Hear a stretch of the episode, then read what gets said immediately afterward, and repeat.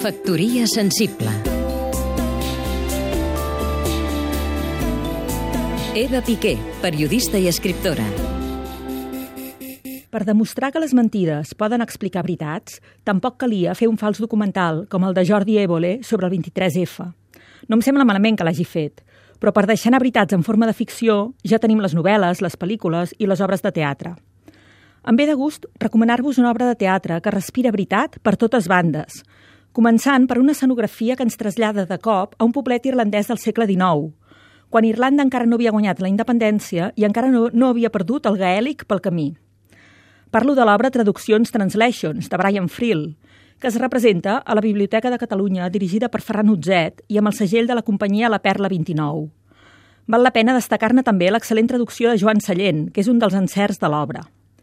Sembla mentida que una peça que ens interpel·la tan directament no s'hagués muntat mai abans en català. Qualsevol diria que estàvem esperant fer-la coincidir amb uns moments convulsos com els que estem vivint. Quina relació hi ha entre llengua i identitat?